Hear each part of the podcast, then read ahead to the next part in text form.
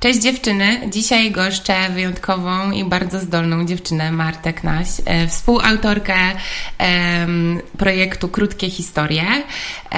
I chciałam powiedzieć, że czuję i mam takie poczucie, że to, e, ten projekt jest bardzo tożsamy z moim podcastem.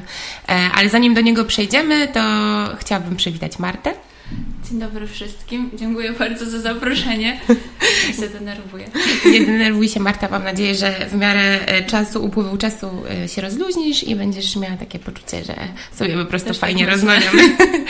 E, chciałabym, zanim przejdziemy do tego, jak udało Ci się wydać Zina, porozmawiać o tym, jaka jest Twoja też droga zawodowa, żebyś trochę opowiedziała o sobie naszym słuchaczom.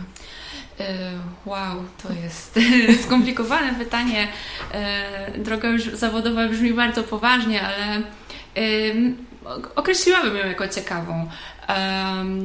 Oczywiście, tak jak pewnie większość osób, nie miałam pojęcia do końca, co chcę mhm. robić e, po liceum.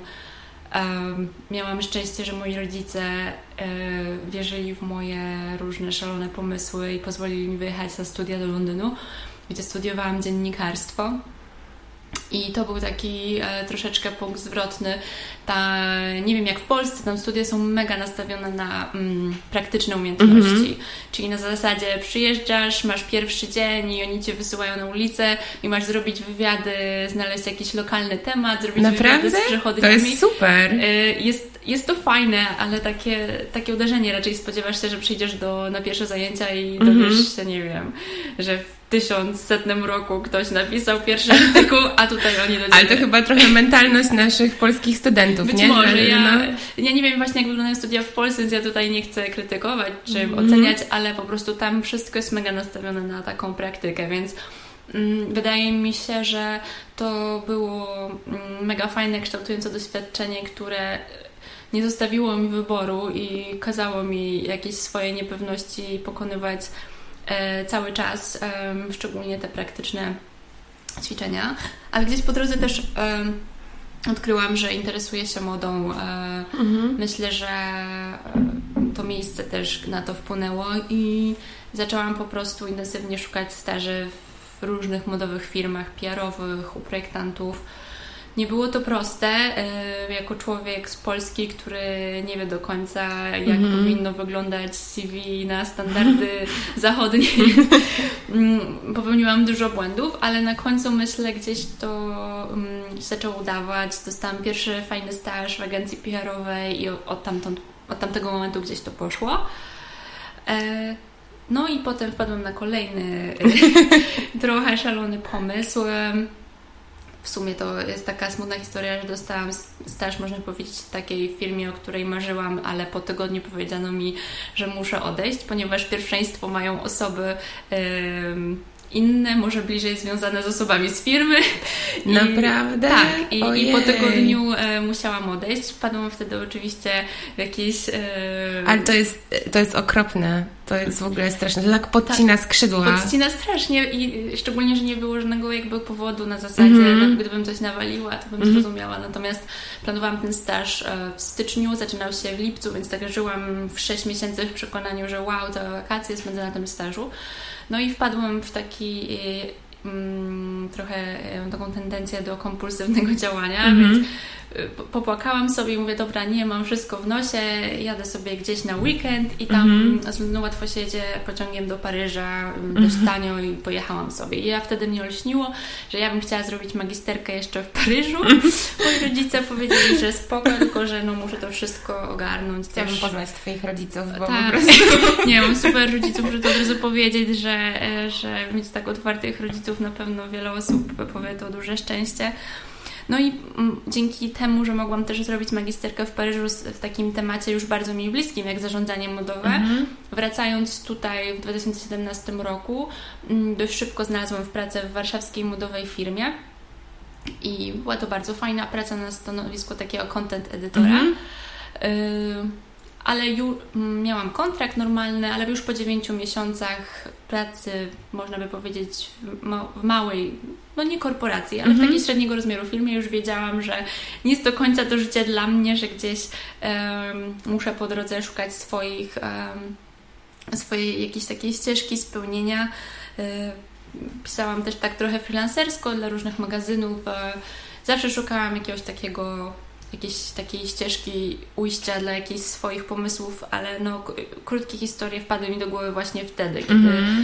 byłam już trochę przy, przytłoczona biurowym życiem i wiedziałam, że tak samo jak muszę zadbać o swój codzienny byt, E, finansowo. Tak samo muszę znaleźć dla siebie jakąś drogę równoległą, gdzie będę mogła robić rzeczy, gdzie mi nikt nie będzie mówił, jak mają być zrobione, tylko będę sama gdzieś o tym decydować i stąd się też poniekąd wzięły krótkie historie. Ja jestem pod ogromnym wrażeniem, bo e, my się z Martą znamy, ale powiedziałaś, Marta ma 26 lat, żeby była jasność i um, chciałabym powiedzieć, że jak na 26-letnią dziewczynę to bardzo dużo zrobiłaś i bardzo dużo się o sobie dowiedziałaś, co jest niesamowite.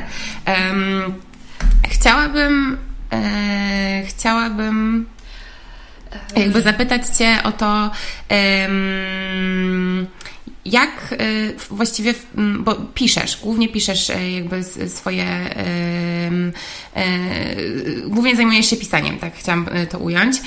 Jak w ogóle doszłaś do tego, żeby wydać coś sama? W ogóle jakby to, że napisałaś tego Zina i, i twój brat też współtworzył z tobą ten projekt i, i w roli fotografa, no to to jest jedna rzecz, ale w ogóle całe przedsięwzięcie wydawania czegoś takiego jest no po prostu dla mnie no, czymś niesamowitym. Y, dziękuję. Y, myślę, że mm, z zewnątrz wygląda to mega super. Na pewno jest to trudne, ale nie jest też tak trudne, jak się wydaje. A mhm. najlepiej jest generalnie, więc najlepiej jest nie wiedzieć, jak to będzie wyglądać. Myślę że tak jest z większością jakichś przedsięwzięć, które zaczynamy sami. Mm, no właśnie, to było Także. Czyli nie miałaś tego doświadczenia jakby nie, z pracy na nie przykład? Nie miałam z pracy wydawniczego doświadczenia. Y, zawsze lubiłam oglądać różne magazyny, gdzieś tam rzeczy typu ładnie wydane um, jakieś z inne magazyny, papiery, mhm. oprawy. Po prostu mnie hobbystycznie interesowały. Um, natomiast miałam tylko takie, myślę, małe doświadczenia edytorskie, gdzieś tam mm, poprzez pisanie tekstów do różnych um, magazynów czy portali. No i pomyślałam też, że y, chciałabym stworzyć. To było tak, byłam w firmie, pamiętam ten dzień, byłam lekko jakaś sfrustrowana sytuacją i wpadło mi wtedy do głowy, um, wpadła mi do głowy ta nazwa, krótkiej historii dziewczęce smutki. I pamiętam, że zamiast pracować, wzięłam telefon, wyszłam i zadzwoniłam do mojego brata i mu powiedziałam: Maciek, jak ja wymyślę sobie taki projekt, to czy chciałbyś mi pomóc i porobiłbyś zdjęcia, e, portrety, ale będzie może to wymagało tam podróżowania trochę. A on powiedział: No dobra, dobra, i się rozłączy. Bo nie, nie brał tego na poważnie. I ja pamiętam, że ja wtedy chyba z godzinę spędziłam w pracy zamiast pracując, czego nie powinnam mówić, e, pis, pisząc sobie, jakby, chciała, żeby to wyglądało. Generalnie na początku myślałam, że to będzie tak, że ja po prostu wydrukuję to w domowej drukarce, mhm. skleję na jakąś taśmę czy zszyję nitką, chociaż szyć też nie umiem i po prostu yy, i po prostu sobie coś powstanie, to gdzieś pozostawiam w jakichś miejscach yy, i, tyle. Yy, I myślę, że tutaj takim punktem przełomowym, który mi uświadomił, że to może mieć jakiś tam fajniejszy odzew była e, graficzka, którą poznałam, która mm. całkowitym przypadkiem przez kolegę mm, bo, bo szukałam kogoś, kto y, zaprojektowałby logo projektu. Zależało mi, żeby projekt miał logo i z, spotkałam się z tą dziewczyną, poznałyśmy się pierwszy raz. I generalnie jest to super fajna historia, bo pozdrawiam Izę, z którą dzisiaj prowadzimy razem firmę dzięki mm -hmm. temu. E, ona zaprojektowała logo moich przynajmniej marzeń. Mm -hmm. I fajne było to, że e, wrzuciliśmy je na Instagrama no i wtedy już y, ilość lajków, jakichś tam followersów uświadomiła nam, no, że jakby nie możemy tego zrobić metodami chałupniczymi w mm -hmm. domu, tylko że może potrzebujemy jednak drukarni. Mm -hmm. nie wiedziałam jednak, że istnieją takie rzeczy jak wydruki minimalne, mm. jak y, różne metody sklejania, szycia, które zależą od ilości stron. No ale właśnie ta graficzka Iza powiedziała mi jakiej, w jakiej drukarni powinniśmy się zakręcić i mhm. podpytać o wyceny. no i po prostu zaczęłam odkładać na to pieniądze. Myślę, że jest to dla mnie o tyle ważne, że staraliśmy się powstrzymywać od szukania jakiegoś sponsoringu, bo zależało nam, żeby ten projekt ten pierwszy taki jakiś autorski projekt był w 100% taki, jaki chcemy, żeby nikt nie mógł przyjść i powiedzieć, a ale tutaj ktoś Wam jednak dał 2000 zł. Ja chciałabym powiedzieć w ogóle, że um, nie wiem, czy wszyscy słuchacze wiedzą, czym jest Zin, ale Zin to jest taka forma um, fanowskiego magazynu i w Wikipedii znalazłam um, opis oczywiście e, tego pojęcia i było napisane, że to jest żeby teraz nie spalić tego, że to jest nieprofesjonalna forma magazynu i tak. jak sobie myślę o tym, jaka jest definicja tego, a jakbyście, naprawdę Was zachęcam, e, zobaczyli Zina krótkie historie, to nie ma to nic wspólnego z nieprofesjonalnością. Znaczy to właśnie jest ciężko, na wysokim poziomie. Dziękuję. Ciężko to nazwać, to nie jest ani magazyn, bo to gdzieś się na dwóch numerach zakończyło mm -hmm. i mhm. myślę, że się zakończy. Natomiast e, po prostu mm, zaczęłam odkładać, wiedziałam ile będzie nam to, na to potrzebne i wiedziałam, że warto, bo kiedy po, zaczęliśmy, mówię, udostępniać posty, cytaty i portrety dziewczyn, no to gdzieś tam wiadomości czy informacje, że ktoś się z tym identyfikuje i czeka mm -hmm. i kiedy to będzie, dawało mi taki sygnał, no, że y, warto to zrobić, no może nie na szeroką skalę, bo 500 sztuk to nie jest szeroko, ale że warto tutaj e, podziałać. Natomiast ZIN jest taką bezpieczną nazwą, myślę, dla wszystkich osób, mm, które mm, boją się dużych projektów. Mm -hmm. Wydawało mi się, że po prostu Zin jest w moim zasięgu. Na pewno nie magazyn, na pewno nie książka, natomiast Zin, amatorska forma publikacji, tak, od tego mogę zacząć i e, Fajnie jest to też za granicą. Kultura zinowa jest o wiele bardziej rozwinięta, bardzo Dużo ludzi publikuje takie zajawkowe mm, magazyny, znaczy teoretycznie ziny,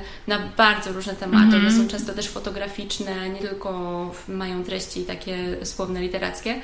I polecam wszystkim, którzy mm -hmm. mają jakąś zajawkę na coś i chcieliby mm, ją zwizualizować, bo jest to bardzo przystępna forma. Nie trzeba jej oczywiście od razu robić w drukarni, mm -hmm. bo mhm.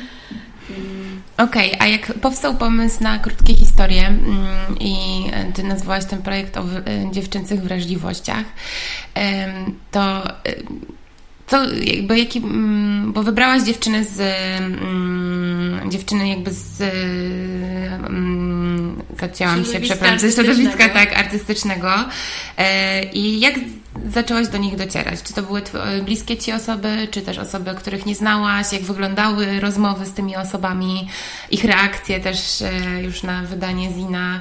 To jest ciekawe. Właśnie zapomniałam wspomnieć, że myślę też reakcje osób, do których się zgłaszałam z propozycją wywiadu, e, dodały mi trochę pewności. Bardzo się byłam generalnie też wiedziałam, że mm, w ogóle myśląc o tym projekcie, czułam, że ja po prostu muszę też Y, troszeczkę się przełamać. Ja nie mam mhm. takiej łatwości w nawiązywaniu kontaktów na zasadzie nie wyjdę nigdy pierwsza z inicjatywą, bo myślę, że nie wiem, komuś zawracam głowę mm-hmm. albo coś w tym stylu. Więc wiedziałam, że jeżeli zacznę się odzywać, to mm, osób, które są mi zupełnie obce, tak było, no to też przełamię też pewnego rodzaju swoją tutaj mm, może nieśmiałość. I tak naprawdę o, pamiętam, że pierwsza osoba, do której napisałam, mi odmówiła i napisała mi to dość brutalnie, bo napisała coś w stylu, że woli swoimi przemyśleniami dzielić się z psychologiem niż z obcym człowiekiem. I wow. ja, tak, ja wtedy pomyślałam... To szczere, ale... Nie znaczy, oczywiście ma do tego no, prawa tak, i oczywiście. szanuję, ale jednak na pewno gdzieś tam z mojej pozycji, kiedy wymyślam sobie projekt, chcę go spojrzeć, tak. myślę, myślisz sobie, Jezus, na co, co ty myśliłeś w ogóle? Ale potem już to poszło. Wybierałam dziewczyny, które, mm, których aktywność na Instagramie mnie mhm. inspirowała i po prostu intuicyjnie podejrzewałam, że może one będą. Um, na pewno, no czułam, że muszą mieć pewnego rodzaju przemyślenia i że mam mhm. nadzieję, że się nimi e, podzielą. Te rozmowy były e, fajne, były dla mnie niespodziewane, też do, otuchy dodawało mi to, że był ze mną mój brat Czyli byliśmy takim teamem. Mm-hmm. Czasem odbywały się u mnie, czasem jechaliśmy gdzieś do kogoś, do innego miasta, w zależności od mm, dostępności.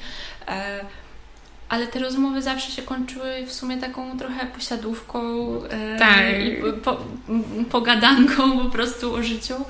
E, I tyle. I było to fajne, bezpośrednie i mm, na pewno motywujące, kiedy dowiadujesz się, że bardzo dużo osób y, zmaga się z podobnymi rzeczami i czuję, że trochę nie przystaje. Zresztą wszystko jest zawarte tam w treści. E, więc myślę, że to było też troszkę takie terapeutyczne dla mnie, dla brata i mam nadzieję, że też e, pomogło tym osobom. Fajne jest to zaufanie, które czasami e, mnie zaskakiwało, że jesteśmy w stanie się spotkać z kimś obcym i porozmawiać tak szczerze. Mm -hmm. Też w sumie jak u Ciebie w podcaście, tak. no bo spotykasz się z kimś, kogoś znasz bardziej lub nie, a nagle y, rozmawiasz o tematach ważnych, y, głębszych i ale to właśnie jest fajne, że można przeskoczyć nagle taki tak. poziom bezpośredniości. Ale to jest też kwestia dwóch stron, nie? I otwartości e, dwóch stron, na ile jesteście w stanie e, jakby wyjść trochę ze swojej skorupy. Tak. E, ja czytając krótkie historie, wersję pierwszą z dziewczynami, no to miałam takie super poczucie, że klaruje się jakiś taki obraz współczesnych młodych kobiet, które są wrażliwe, które mają refleksję, starają się dbać o swoje samopoczucie, co na przykład dla mnie jest istotnie ważne i jeszcze e, oprócz tego poruszałyście temat seksualności, tego jak się dziewczyny czują w swoich ciałach. E, niejednokrotnie one zajmują się no, na przykład malarstwem, tak? I, i mhm. jakby gdzieś tam e, Magdalena Król, bo w ogóle tak. uwielbiam i jak zobaczyłam, że ona jest jedną z Super. postaci, to mówię, kurczę, muszę mieć tego zina. Jeszcze w ogóle nawet nie wiedziałam, że to jest twój zin i mówię Magdalena Król. Więc fajnie, fajnie się klaruje taki obraz, mam wrażenie jakiejś takiej grupy też społecznej, nie? Dziewczyn, które które są świadomymi feministkami, ale trochę w innym ujęciu niż się ten feminizm jakby no, przedstawia w mediach. E, taki bym powiedziała nowoczesny feminizm, nie? Tak. Feminizm jest trudnym tematem o tyle, że na pewno jest ważny i potrzebny, ale to grząski grunt, bo yy, można powiedzieć o słowo za dużo i ktoś mm -hmm. już się poczuje urażony. Gdzieś tam to rozumiem, bo yy, no bo każdy interpretuje to w zgodzie ze swoimi przekonaniami. Nie każdy też ma odwagę feminizm praktykować. Mhm. Mm, myślę, że jak każda postawa, radykalny feminizm może też niektórych ranić, więc e, w postaci na przykład nawet, nie wiem, uznawania tylko jednego wzorca kobiecości, takiej bardziej wyemancypowanej za słuszny. Więc myślę, że każdy powinien mieć własną definicję, bo feminizm na pewno z, zasady jest dobry i to też jest właśnie w Zinie, już chyba wielokrotnie ten cytat używałam gdzieś tam, że właśnie feminizm pok powinien pokazać, że można być kobietą jaką się chce. Mhm. E, dla mnie też takim dojściem do jakiegoś takiego Feminizm też mi się kojarzy z szukaniem takiej po prostu wewnętrznej pewności i siły w sobie. Myślę, że to jest coś, co jest tożsame dla wielu kobiet na wielu tak. poziomach. Czasem to jest odwaga, żeby właśnie stworzyć swój, nie wiem, projekt, a czasem jest to odwaga, nie wiem, żeby się postawić e, gdzieś w pracy. Tak, albo po prostu zagadać do obcych osób. Też, dokładnie. E, I ja myślę też, że to był taki właśnie zaczyn dla krótkich historii, czyli jak nasze słabości i niepewności możemy przekuwać w coś, co jest naszą siłą. To nie jest proste, jak wiadomo, e, ale myślę, że w tym gdzieś właśnie może się znajdować źródło feminizmu, właśnie w tym, że kobiety, mimo słabości pozycji, w której były, po prostu zaczęły zdobywały się tak. taką siłę, na taki aktywizm, że wywalczały stopniowo to, co było im potrzebne. I myślę, że na pewno nie było się to bez ich wątpliwości, niepewności, smutków, łez, y, melancholii, czegokolwiek. I, ale gdzieś na końcu wygrało to, do czego dążyły i wydaje mi się, że to jest na pewno feminizm, z którym większość się utożsami. Mam nadzieję, ale to jest definicja prywatna. Proszę mnie nie zabić za nią. Powiem, że to jest rzeczywiście temat. No, uważam, że masz prawo do swojej własnej. Każdy tak. ma prawo i po prostu fajnie, że, że dajesz też głos y, każdej dziewczynie z osobna E, jakby poświęcasz im te strony tak. w zinie i wypływa stamtąd, e, z każdej historii wypływa trochę inny przekaz. To jest e, też To też jest fajne. fajne Każdy tak. ma właśnie, mm, ta wrażliwość prowadzi do właśnie różnych efektów, różnej działalności, różnego rodzaju sztuki, różnych decyzji I wydaje mi się, że to właśnie też pokazuje, że ten feminizm nie jest jednowymiarowy, Mhm. tylko dla każdego oznaczać będzie zawsze coś innego. To jest super. Właśnie e, mówimy o feminizmie, ale jest też druga edycja, w, którym, w której rozmawiasz z mężczyznami.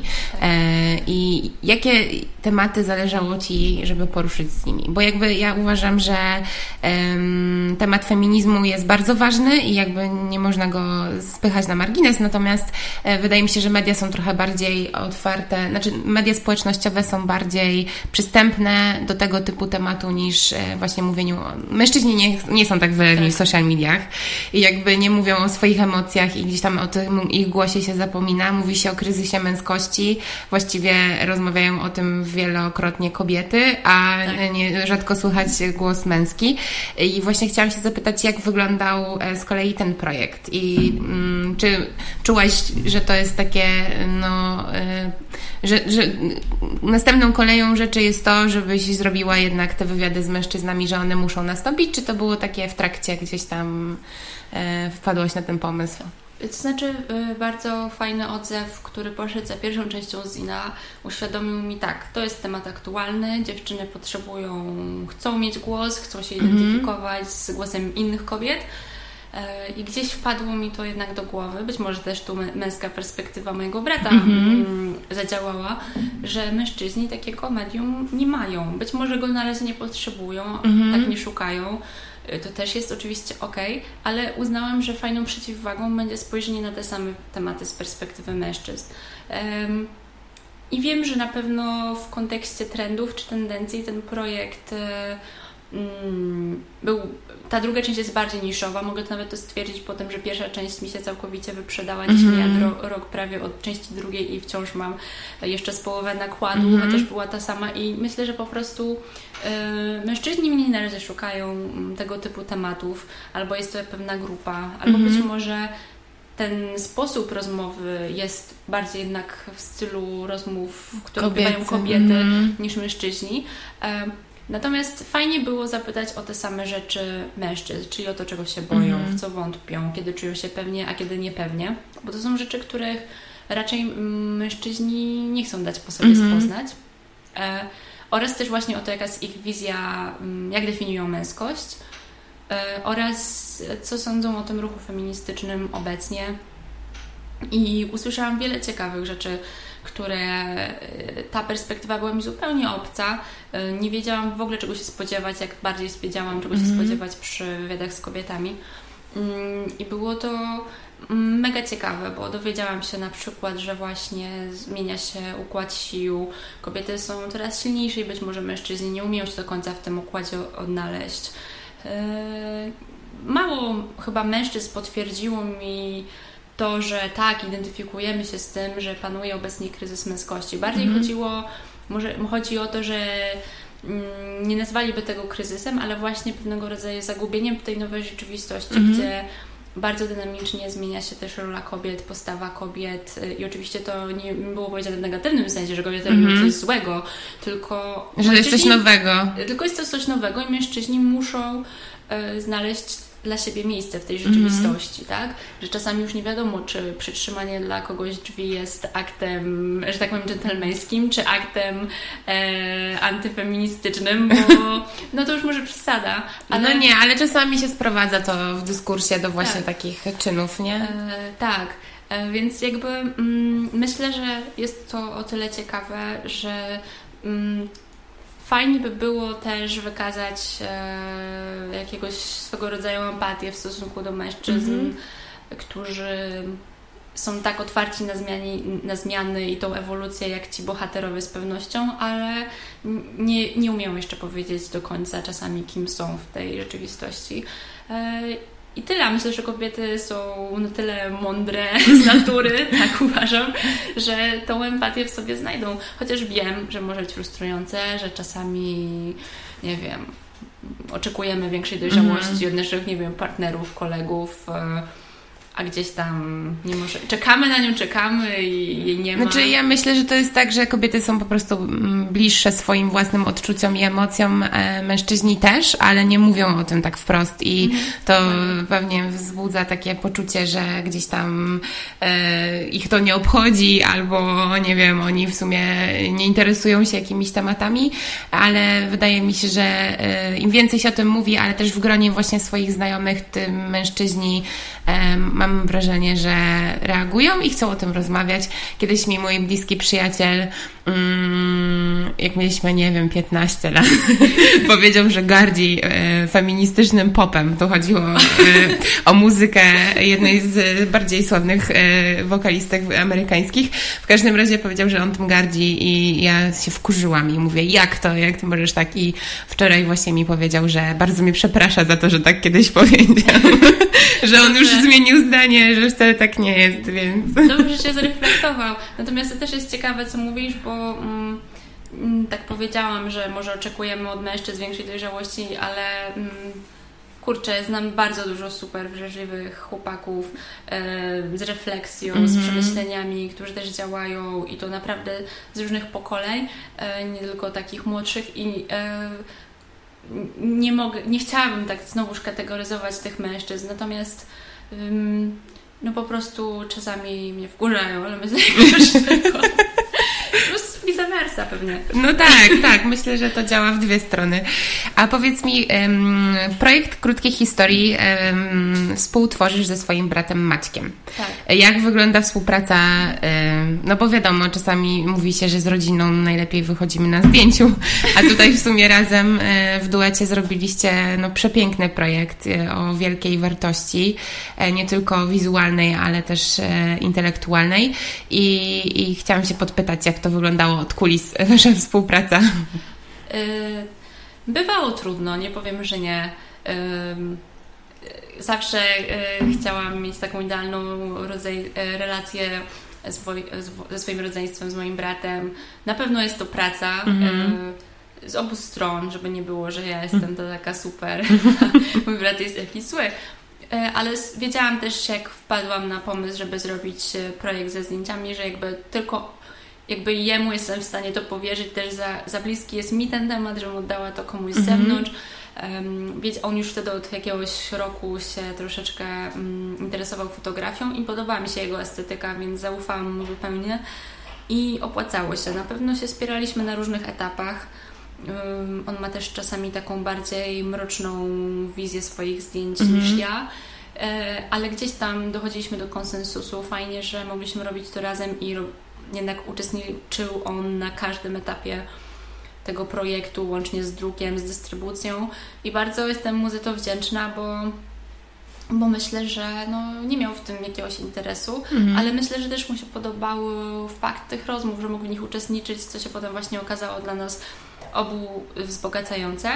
E, co w ogóle do rodzeńskiej relacji, no tak jak powiedziałam, jest ona mm, często bywa skomplikowana, ale myślę, że warto się o nią starać, bo jednak trudno by mi było sobie wyobrazić życie, w którym mój brat, nie wiem, jest gdzieś i ja totalnie nie wiem, co się z nim mm dzieje. Ale wiem też, że bywają takie sytuacje w życiu, że nie da się ze swoim mm -hmm. rodzeństwem budować relacji, bo ktoś stawia mur, wiem, mm. bo znam też takie osoby, które mi o tym opowiadają. Więc wymaga to dobrej woli z dwóch stron. I myślę, że my ją oboje mamy i dlatego jakoś staraliśmy się ze sobą dogadywać i nam się to udawało. Myślę, że też taki projekt trochę też zbliża mm, po prostu. No w ogóle spójność w ogóle tekstu i tego, co wypływa z tych rozmów, ze zdjęciami. Jeszcze wkład Izy, która zrobiła logo, jakby to wszystko jest... Ja w ogóle byłam przekonana, nie wiem czemu, że twój brat jest i grafikiem, i fotografem. Nie. I jakby, że on jakby od początku do końca odpowiadał za te jakby wizualne część, więc no wasza trójka tak się spięła mocno, że wyszedł naprawdę spójny projekt. No. no Iza też była odpowiedzialna za cały skład graficzny, ja też nigdy nie przechodziłam takiego procesu, to jest bardzo ciekawe, jak się składa mm -hmm. książkę e, czy publikację, e, ale też właśnie mm, myślę, że też krótkie historie to też fajna historia o tym, że e, mm, kiedy w sumie zaczynasz już coś robić, nałożysz sobie w głowie taki szlaban myślowy i myślę tu o sobie, jakby przestaniesz kalkulować, bo że nie, przecież nie mam na to pieniędzy, nie mam na to czasu, że zawsze znajdzie się mm -hmm. powód, że czegoś nie zrobić. I ja też mm -hmm. zawsze tak robiłam, że zawsze znajdował się dla mnie powód, żeby może jednak się poczekać. A czasami po prostu trzeba zamknąć oczy i po prostu zrobić. I to prowadzi do wielu później fajnych rzeczy, choćby tego, że jestem tu w tym podcaście i, i się z tego bardzo cieszę, albo właśnie do tego, że poznałam Izę, z którą dzisiaj pracuję na co dzień i po, po prostu myślę, że generalnie to jest e, takie fajne, fajnie otwiera to jakieś nowe, kolejne etapy w naszym życiu. To co teraz, Marta? Jakie plany? Jak, czy krótkie historie będą się rozwijać? Czy angażujesz swoje siły w jakiś zupełnie nowy cel i nowy projekt? E, poczułam, że jakby te krótkie historie są już e, gdzieś tam zakończone i nie chciałabym tego dalej ciągnąć. Natomiast tak jak wspomniałam, prowadzimy z Izą studio, mm, które się nazywa Unwind i um, oprócz tego, że bierzemy po prostu zlecenia, to po, po, powzięłyśmy taki cel, żeby realizować e, regularnie jakiś własny projekt, który mhm. można mm, małym kosztem zrobić. E, I zachęcam wszystkich do może, e, że tak powiem, cierpli chwili cierpliwości, gdzieś w przeciągu miesiąca lub dwóch wyjdzie nasz nowy projekt, który będzie już anglojęzyczny i będzie projektem digitalowym, który nazywa się The Dictionary of Female Feelings, czyli znowuż e, mhm. kobieca perspektywa, w którym będzie można przeczytać um, definicję uczuć, e, będzie taki alfabet mhm. e, uczuć zdefiniowanych przy, przez różne kobiety z całego świata, więc myślę, Super. że może, może to kogoś zainteresować, jeżeli spodobało mu się krótkie historie. Ja na pewno przeczytam. Na pewno będę śledziła. E, tak, jesteśmy już, kończymy pracę nad tym. E, I tyle. Myślę, że to jest główny projekt, oprócz po prostu dalszych jakichś takich działań które się same gdzieś dzieją. nie wiem, nie wiem, nie wiem co dalej. W sensie trochę się już e, nauczyłam chyba tego, że trzeba rzeczy planować, ale do pewnego momentu. Mm-hmm. E, bo gdzieś mm, próbując zaplanować wszystko, jednak życie staje się wieczną frustracją. No, I... kontrola, wieczna kontrola i jak nie idzie po naszej myśli, to potem jest po prostu wielki smutek. Tak, dokładnie. Więc zobaczymy. Właśnie, chciałam się zapytać też Ciebie, mm, bo pytasz dziewczyny w wywiadach, co je smuci.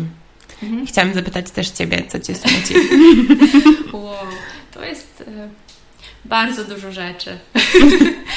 Myślę, że większość osób powiedziałaby, jakby, jakby tak usiadła na krześle i stwierdziła, czy raczej coś je smuci, czy cieszy, znalazłaby więcej rzeczy, które je smuci.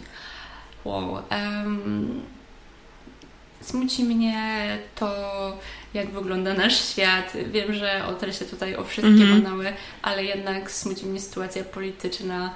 Um, może, może inaczej, bo to się wiąże ze wszystkim. Smuci mnie, że tak trudno jest nam być w porządku ludźmi, nam w sensie generalnie być w porządku. E, myślę, że to potem przenosi się na to, mm -hmm. co się dzieje w polityce i to, że pływa plastik w morzu mm -hmm. i generalnie wiele różnych rzeczy. Czasem się to wydaje takie, takie proste, ale jak powiedziałam kiedyś właśnie swojej koleżance, która jest 8 ode mnie lat starsza, dlaczego jest tak trudno być w porządku? To ona mi powiedziała, Boże, jakbym widziała siebie sprzed 8 lat.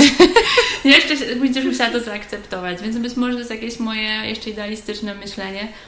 E, I to mnie chyba najbardziej smuci. I też mnie smuci chyba to, że mm, jest tak wiele super ludzi, którzy właśnie jest taki cytat mhm. e, takiego pisarza Charlesa Bukowskiego, który bardzo lubię, że inteli- przepraszam, nie chcę nikogo obrazić, ale że właśnie inteligentni ludzie mają e, najwięcej, e, zawsze mają wątpliwości, a głupi ludzie zawsze mają odwagę, żeby się wypowiedzieć. Mhm.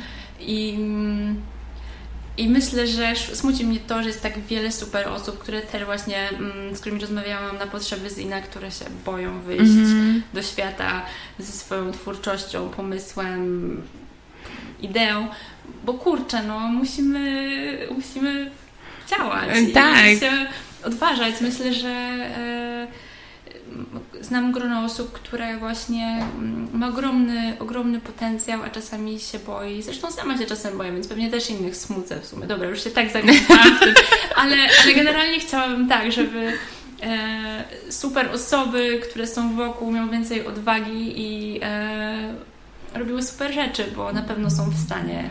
No, jest w stanie. To jest taki rodzaj y, melancholii, kiedy rozmawiasz z fajnymi osobami naokoło i myślisz sobie, że ten głos nie zostanie usłyszany przez większość, większe grono, nie? Dokładnie. I, I, to jest takie, wtedy przykrej sobie myślisz, dlaczego tak jest? Przecież mamy tyle możliwości, tyle mediów i tyle jakby sposobów, żeby jakby ten głos gdzieś się przebił. Tak. Mm, więc absolutnie się z tym zgadzam. Zwłaszcza, że ostatni odcinek z Magdą. Tak, który był nagrywany, e, no też właśnie był o odwadze i o takiej sile w sobie, żeby wyjść ze skorupy. E, I tak widzę w rozmowach e, z dziewczynami, że to chodzi o taką siłę po prostu, nie? I przełamywanie swoich własnych jakichś tam problemów i to wychodzenie, prawda. nie? To jest niesamowite, bo tak naprawdę czasami rzeczywiście wpada się w takie fazy, że wydaje nam się, że rzeczywiście nie mamy szans, mm -hmm. zostaniemy zmiecieni z powierzchni ziemi, jeżeli coś opublikujemy, pokażemy. Ale nie wiem, ja mam osobiście, może inni też tak czasem mają takie przebłyski, że ale jakby co się może stać? Nic się gorszego stać nie może. Najgorsze, mm -hmm. co by się mogło stać, to jakby potrącił mnie samochód i nie wiem, umarła. Ale generalnie nawet jak rzeczywiście ktoś mi powie coś um, krytycznego, czy się ze mną nie zgodzi, e, trudno. Zawsze tak będzie. Kurczę, to jest zawsze jakieś ryzyko. Myślę, że lepiej coś zrobić i oczywiście nie żałować niż nie zrobić i pielęgnować sobie te momenty mm -hmm. oświecenia, kiedy jest się takim przez chwilę super odważnym, chociaż to są rzeczywiście ulotne momenty, ale warto je wykorzystać. Marta, dobiegamy do końca naszej rozmowy i zawsze proszę jedną, zawsze proszę moją rozmówczynię, żeby powiedziała coś od siebie e, słuchaczom. Czy chciałabyś coś powiedzieć? Mm, e, kurczę, boję się bardziej niż e, cały, przez cały wywiad. No tak, może, że e, Ej, dziewczyny się zaczyna, tak? Wcale nie musimy być odważne. Wystarczy, że nie pozwolimy, żeby w życiu kiedykolwiek jakkolwiek kierował nami strach.